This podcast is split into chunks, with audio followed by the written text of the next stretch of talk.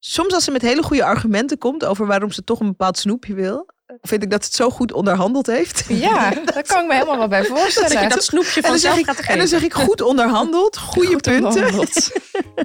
nou ja, dat, daar gaat er zelfvertrouwen wel van eh, de lucht in. Ja, wel toch? Ja. Het moederschap. Een van de mooiste, bijzonderste en meest overweldigende ervaringen in het leven van een vrouw. In deze podcast gaan ondernemer en moeder Tamara Elbas en ecologisch pedagoog en moeder Lisette Davids in gesprek met bekende moeders die hun persoonlijke verhaal vertellen. Inclusief alle ups en downs die erbij komen kijken. Welkom bij Hashtag MomLife. Welkom weer bij een nieuwe aflevering van de podcast Hashtag MomLife. En deze week ook weer met een hele bijzondere gast, namelijk Sarayda Groenhart. Nou, Sarayda is natuurlijk moeder. Al meer dan tien jaar presentator, televisiemaker, columnist, journalist. Nou, werkte onder meer voor MTV, BNN. Nou, waar heb je niet voor gewerkt? Had haar eigen talkshow zelfs op TLC en geeft inmiddels online cursussen hoe je video, of eigenlijk hoe je met video je business kan uitbreiden. Ja. Sarayda, jij bent een ontzettende duizendpoot. Hoe heb jij dit allemaal kunnen combineren met moeder zijn? Het belangrijkste is, um, ik, uh, mijn dochter is vijf, dus uh, ik, ik ben tien jaar geleden mijn bedrijf begonnen. Dus ik heb een periode gekend in mijn leven waar ik soort 100 uur kon maken. En dan had alleen, had ik er zelf last van, of een partner, of, um, um, maar dan had ik mezelf daarmee. En toen ik uh, moeder werd, toen voelde ik, eigenlijk ook nog voordat ik moeder werd, dacht ik, nee, dit, ik wil niet eindeloos veel uren werken. Ik wil wel mooie dingen neerzetten met mijn bedrijf, mooie dingen creëren, maar ik wil ook echt uh, ik wil thuis zijn. Ik wil er echt zijn. Dus toen ging ik aan de slag met soort de gekke vraag van hoe kan je en een, uh, een, een carrière woman zijn en ook een huismus. En heel praktisch, ik zeg heel veel nee tegen dingen. Tegen ons gelukkig niet. tegen jullie niet, nee, nee. Dit is een belangrijk onderwerp. Ik vind het heerlijk om te praten, ook over moederschap. Um, ik zeg heel veel nee. Uh, en ik zeg ja tegen dingen waarvan ik echt in mijn hart voel dit wil ik.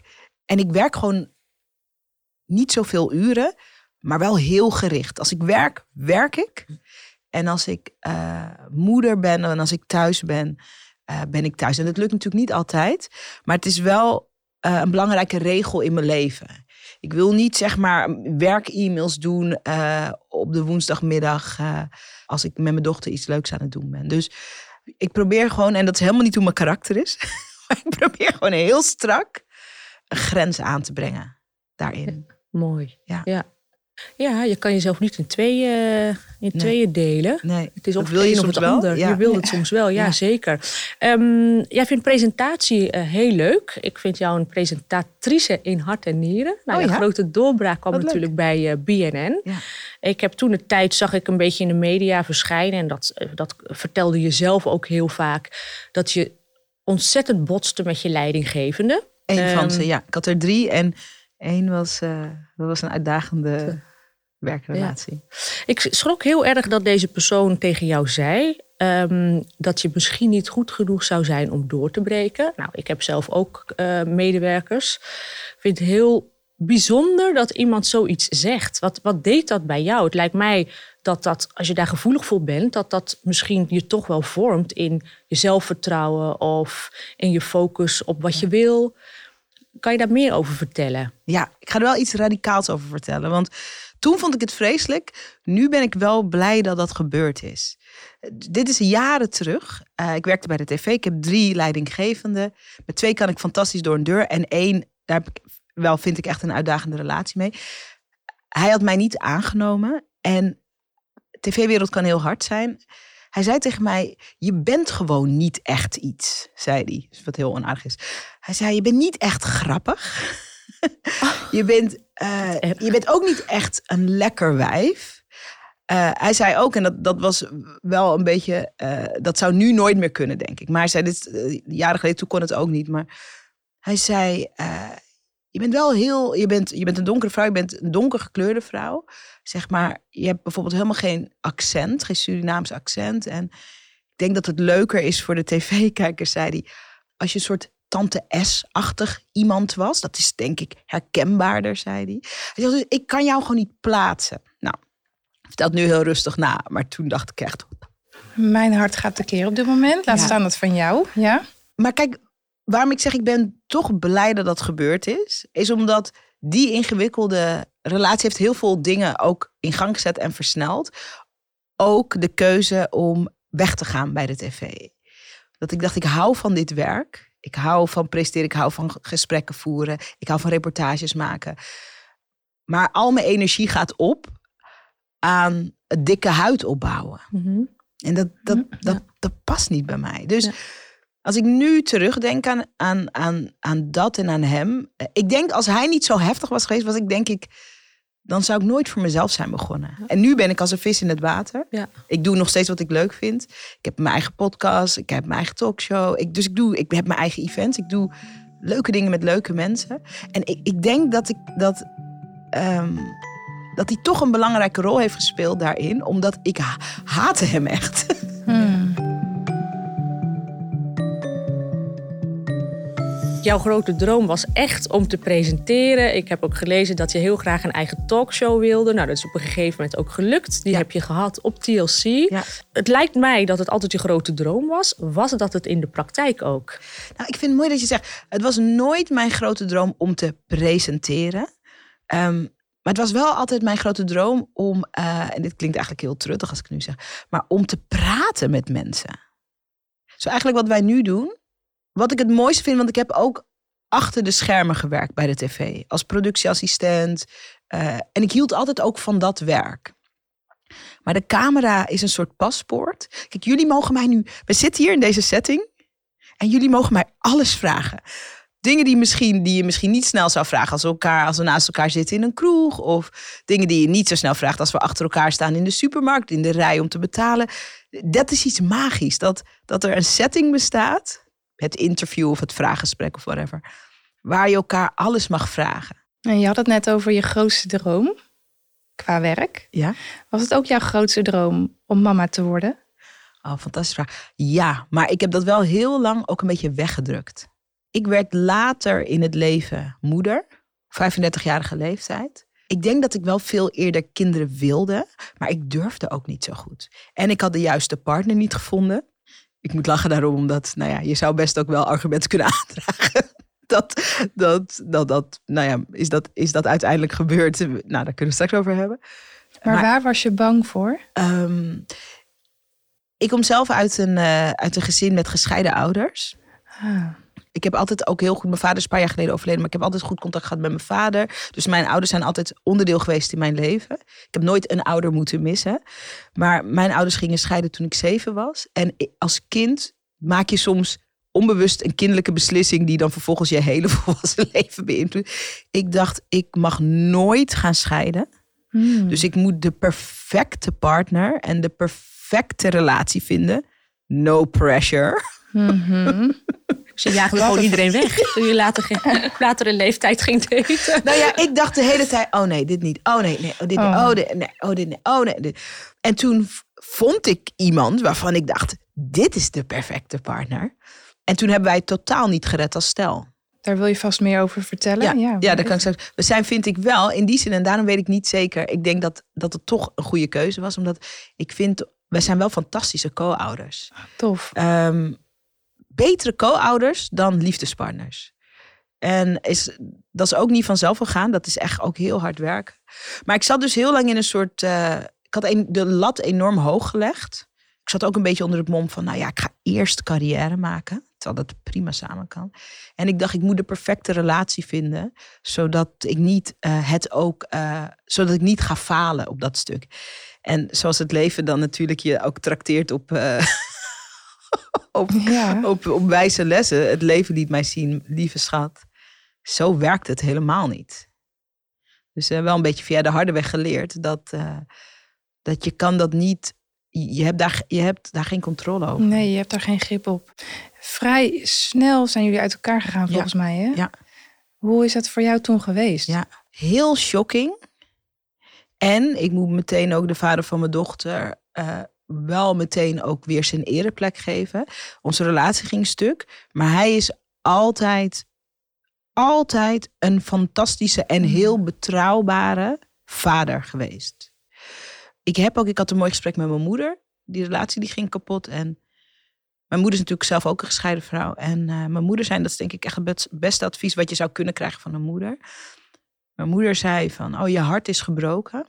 Daar moet je gewoon de tijd voor nemen.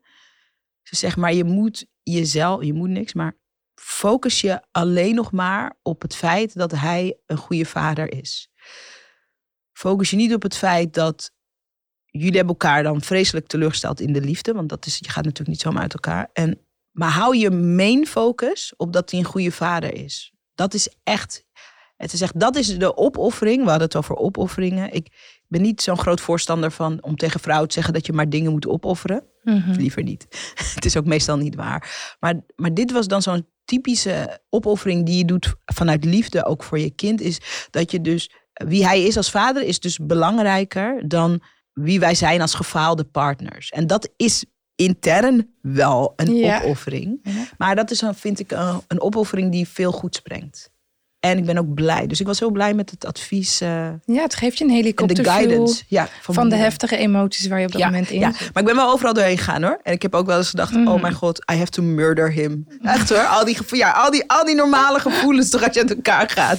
Zo van, I just have to murder him. En aan ons kind uitleggen dat, ja, nou. sorry. mama, Ja, ja, papa heeft ja, vermoord. ja. Maar I don't want to go to jail. Ik wil ook niet naar de. Dus al die, al die soort normale beestachtige emoties Mhm. die ook vrijkomen bij zo'n break-up. Daar ben ik wel echt doorheen gegaan hoor. Ben ik niet overheen Nee, geskipt. nee, nee, goed zo.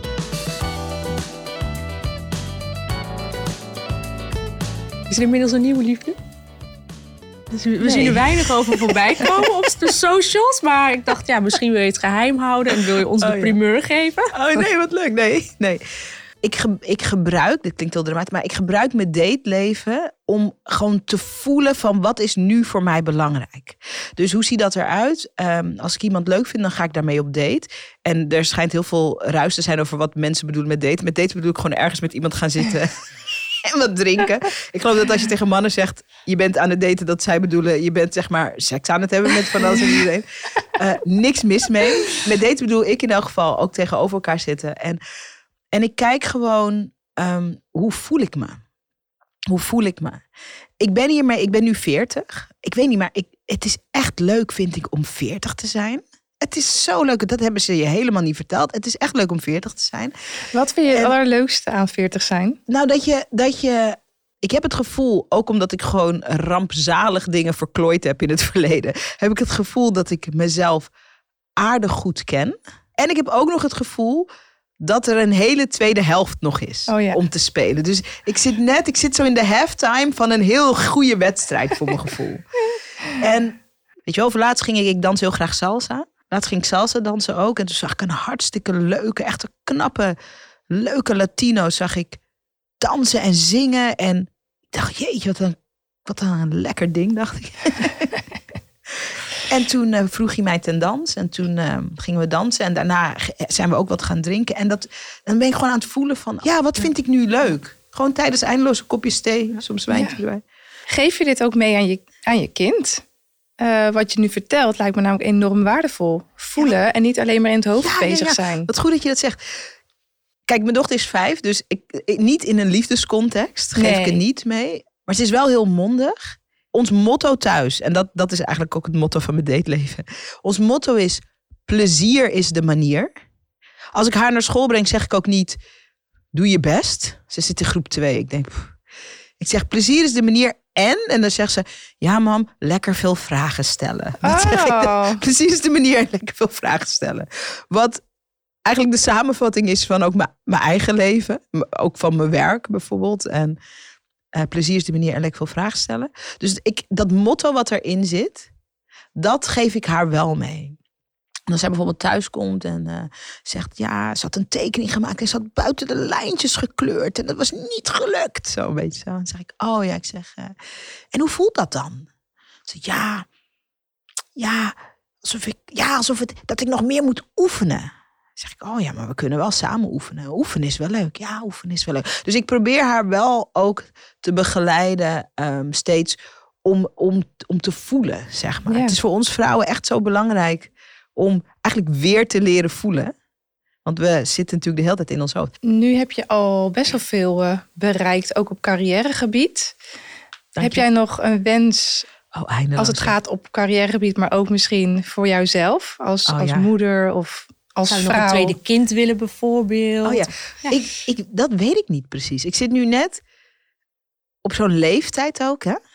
40. Ik ben voor, voor- volgens mij ben ik heel gezond. Ik denk, dat het, ik denk dat ook dat het kan. Ik weet het niet. En laatst dacht ik, moet ik het niet weten? Mhm. Want straks is de window voorbij. Maar ik dacht, ik ben heel blij met mijn dochter. Ik ben ook heel blij met eh, de co-ouderschapsstructuur. Het lijkt me ook leuk om een zoon te hebben. Maar, en ik weet niet of dit de eisenlijst is. Dat weet ik niet, moeten jullie maar even zeggen. Ik heb ook het gevoel, dit klinkt, dit klinkt heel raar, maar ik heb niet de ideale omstandigheid. Maar ik vind wel dat ik de Bentley van het co-ouderschap heb. Omdat ik vind dat de vader van mijn dochter echt een supergoeie vader is. en dat wij het echt goed doen samen. Ik vind, we zijn echt de Ferrari of weet ik veel stoere auto's. Jij weet veel van auto's. We zijn in elk geval een hele stoere auto van het co-ouderschap. En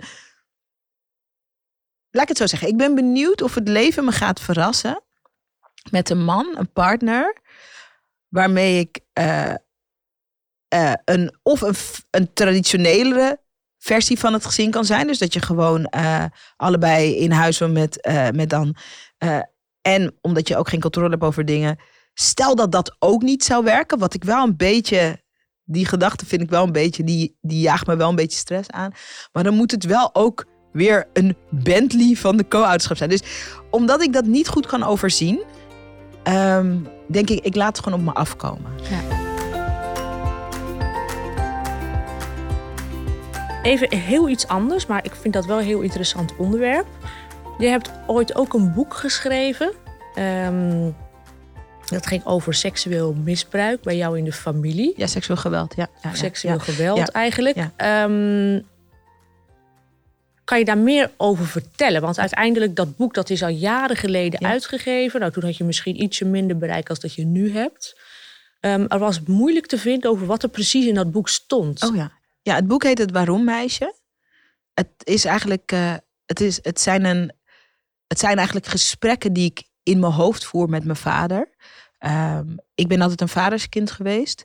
Ik kom uit een grote familie. Dus ik heb het niet over gezinnen. Het gaat niet over eh, seksueel geweld binnen de gezinssfeer.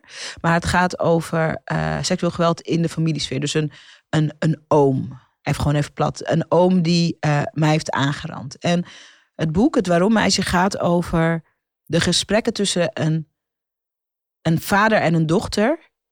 Die eigenlijk allebei altijd van de dader, een oom, hebben gehouden.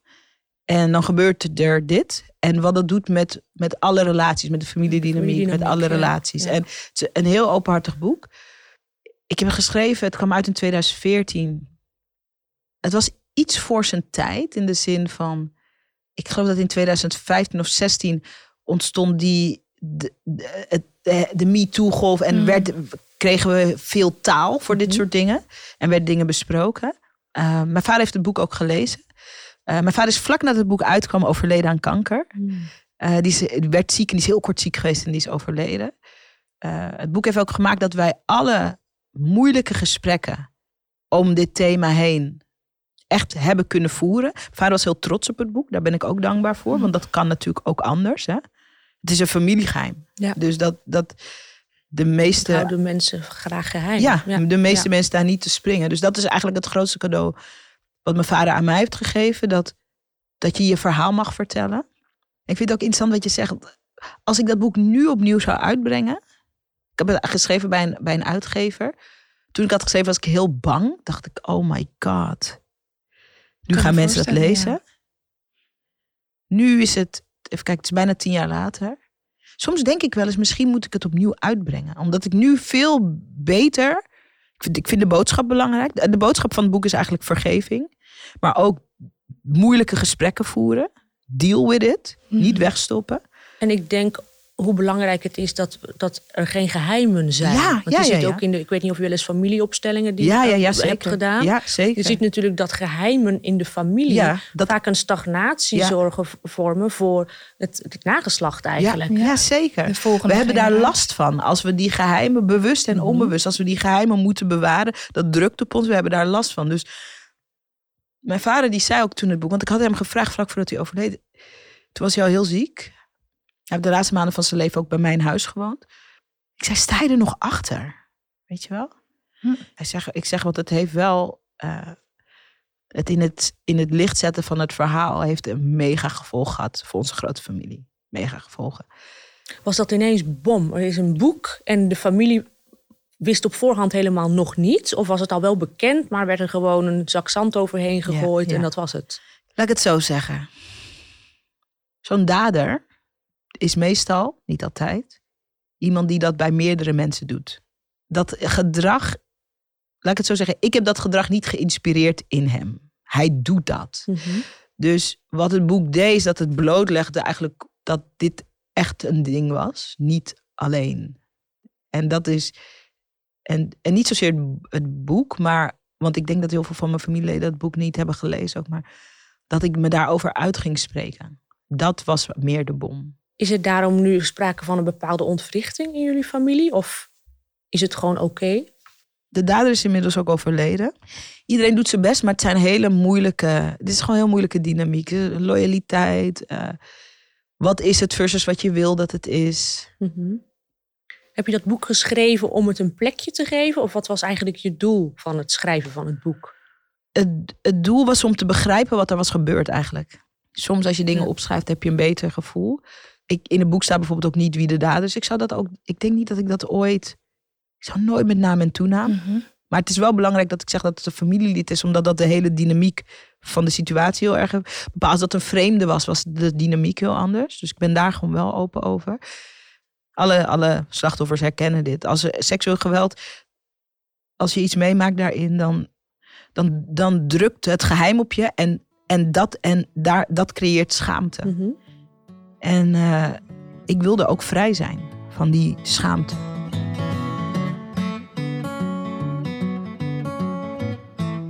Ik vind jou ook een heel creatief persoon.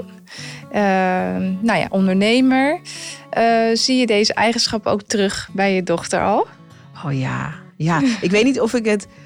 Want je ziet ook een beetje wat je wil zien, natuurlijk. Ehm, haar vader is ook ondernemer.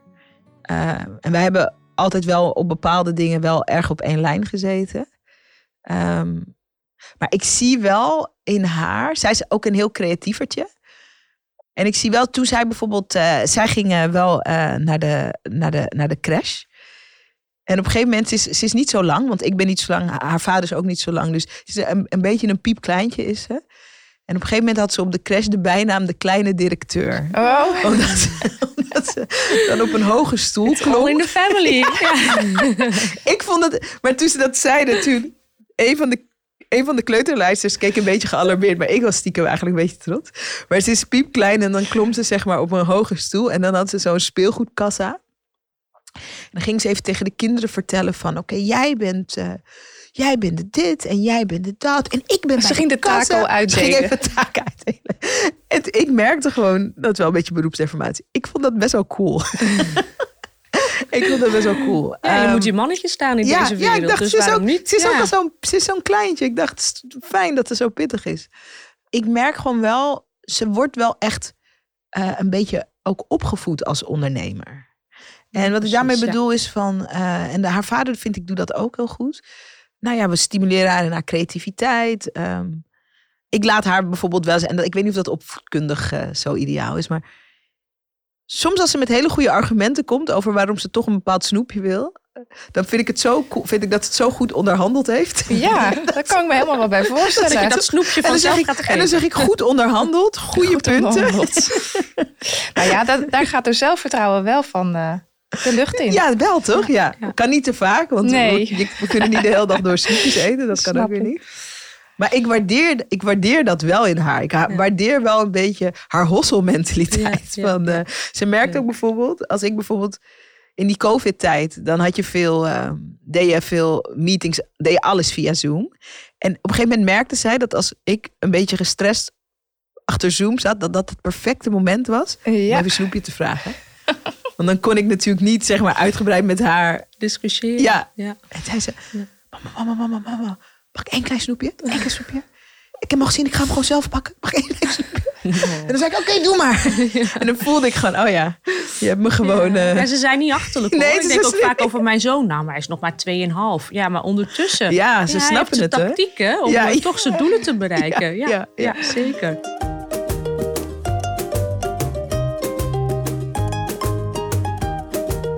Wat zou je nog aan, uh, als tip aan um, mama's willen meegeven? Of aanstaande mama's willen meegeven? Oh, oh zoveel. Um, het belangrijkste is uh, om echt ook tijd voor jezelf te maken. Het is zo makkelijk. Nou ja, ik denk dat we dat allemaal wel herkennen. Het is zo makkelijk. Er is zoveel te doen en er, er is altijd was. Er is, er is altijd er is altijd, je moet altijd, er is altijd iets op te ruimen. Er is zoveel te doen. En soms moet je gewoon, als je samen bent in een relatie, moet je gewoon je kind in de, in, je, in de schoot van haar vader of in de schoot van zijn vader leggen. Of moet je even de oma's opbellen. Dan moet je gewoon ergens in je eentje een decaf cappuccino met havermelk gaan drinken. Gewoon met jezelf, met een boek, al is het 30 minuten zorg ook voor jezelf. Omdat wij als vrouwen en als moeders, wij zijn eigenlijk de, de soort de emotionele temperatuur van het gezin. Als wij niet lekker gaan, de kinderen voelen dat. Als je een partner hebt, voelt hij dat denk ik ook. Dus het is gewoon echt belangrijk dat wij onszelf ook goed voelen. En er is heel veel taboe op dat je zeg maar uh, egoïstisch zou zijn als je bijvoorbeeld, weet ik veel. Uh, als je gewoon actief tijd voor jezelf maakt. De, weet je, als je zegt van ik heb een, ik heb uh, een oppas geregeld, want ik ga uh, met vriendinnen naar de film. Of, dus iets wat niet hoeft, snap je? Iets wat niet super urgent is. Of ik, ik wil in mijn eentje een boek lezen in een café. Dat, daar, daar is over het algemeen niet zo super veel begrip voor. Wel, als het voor werk gaat, het nog net. Of als het voor allemaal urgente dingen zijn. Maar gewoon dat je gewoon even in een omgeving wil zijn die iets stiller is dan je huiskamer. Ja. Gewoon met jezelf. Ja, eens. Ja. En dat je daar dan actief. Uh, daar word je soms op aangekeken. ja, en, en dat hebben we juist wel nodig. Naast moeder ben je natuurlijk ook nog vrouw. Ja. En ik merk ja, tot op heden dat ik me eigenlijk heel erg verlies in het moederschap. Dus ik ben eigenlijk continu mama. En dan zit ik soms in een restaurant en dan denk ik. Oh ja, dat is een oh, deur waar zijn vinger tussen kan komen. En ja, ja, ja. oké, nee, ik ben nu even geen mama. Ik ben, ik ben nu gewoon even Tamara. Ja, ben nu gewoon even Tamara. En ik merk als ik dan een paar uurtjes gewoon Tamara ben geweest. Dat ik dan eigenlijk ook weer meteen daarna een leukere moeder ben. Heb je ook weer meer te geven? hetzelfde voor, hè? Dat ik zonder, iets, zonder mijn kind iets ga doen. Maar ik merk toch van, het is goed om als vrouw zijnde ook af en toe wat, ja, wat me-time in, in, te plannen. Ja, echt belangrijk. Ja. Ik vind dat meteen een hele mooie afsluiting ja, namens eh, Lisette en mij wil ik je ontzettend bedanken voor je openheid. En uh, ook uh, superleuk dat je aan onze podcast wilde deelnemen. Dankjewel. Fijn dat ik hier mocht zijn. En uh, ik durfde het ook te vertellen. Dus dat is ook de sfeer die jullie creëren. Dat oh. je hier zonder oordeel gewoon kan vertellen wat echt waar is. Dus dat is heel mooi. Dankjewel. Bedankt voor het luisteren naar de podcast Hashtag MomLife. Vond je de aflevering leuk? Abonneer je op het podcast- en YouTube-kanaal van Hashtag MomLife. Ook leuk als je een recensie achterlaat.